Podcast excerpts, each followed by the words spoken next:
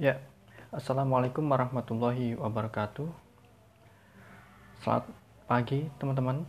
Uh, saya senang sekali bisa kembali sharing di podcast Ruang Berbagi bersama saya Yulian Sanjaya.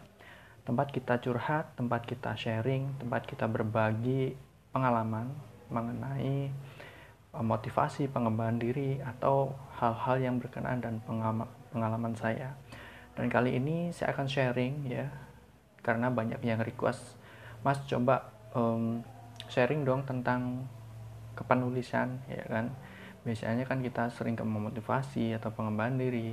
Coba sekali kita coba untuk um, sharing tentang kepenulisan. Baik kali ini ini adalah podcast pertama yaitu tentang kepenulisan. Uh, karena saya juga uh, suka sekali um, menulis ya membaca dan alhamdulillah sudah banyak memberikan kontribusi memberikan uh, impact yang lebih sehingga bisa memberikan uh, sebuah karya. Ya alhamdulillah sampai sekarang uh, sudah kurang lebih 8 buku terbit buku single. Ya tetap bertema motivasi pengembangan diri karena saya suka dalam dunia itu.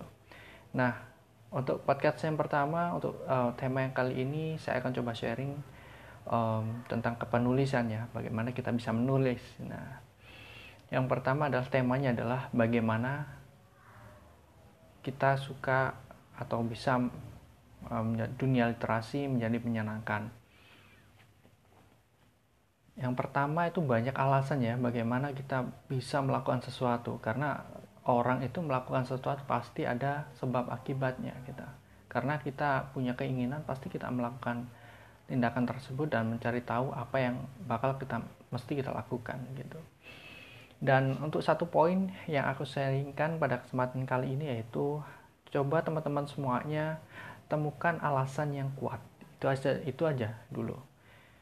Temukan alasan yang kuat mengapa sih kita harus menulis, mengapa sih oh, aku ini uh, berani untuk menulis atau alasan alasan-alasan yang tepat yang sesuai dengan karakter atau pilihan hatimu, pikiran hati hati kamu ya.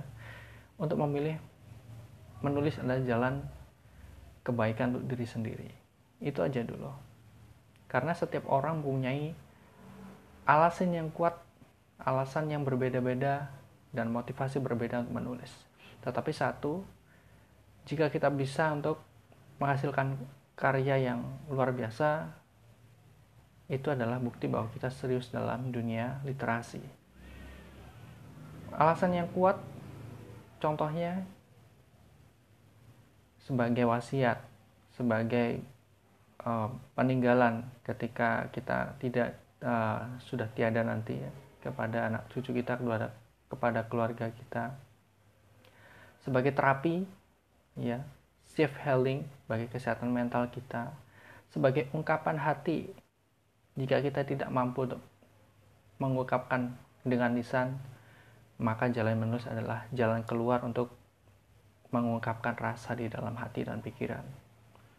Sebagai motivasi untuk menghasilkan karya yang lebih baik lagi. Dan alasan yang menarik lainnya, teman-teman bisa catat dan floor kepada diri Anda sendiri. Jangan berikan alasan kepada orang lain.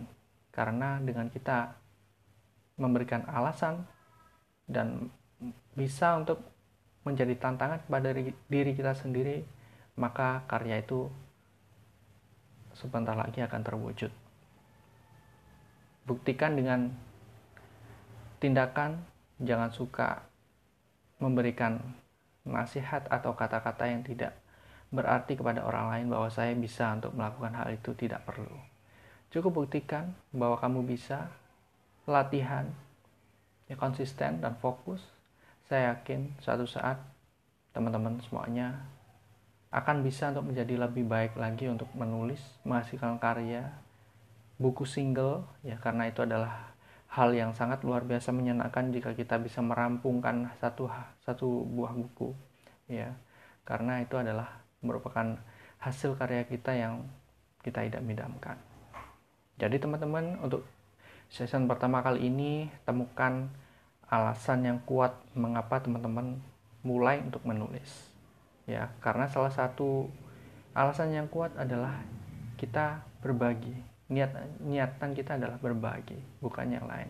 Dan jika kita mendapatkan hal-hal sesuatu yang tidak kita duga, sesuatu yang sangat menyenangkan di luar kemampuan kita, di luar ekspektasi kita itu adalah semata-mata bonus, semata-mata semata-mata reward dari hasil kerja kita selama ini. Jadi teman-teman, saya doakan mulai sekarang um, tata niat, ya, mulailah menulis, temukan alasan yang kuat, maka insya Allah tulisan kita juga akan menjadi baik. Itu itu saja teman-teman yang bisa saya sharingkan dalam kesempatan kali ini dan stay tune terus di podcast Ruang Berbagi. Sampai ketemu di next episode dengan tema yang berbeda. Oke, Assalamualaikum warahmatullahi wabarakatuh.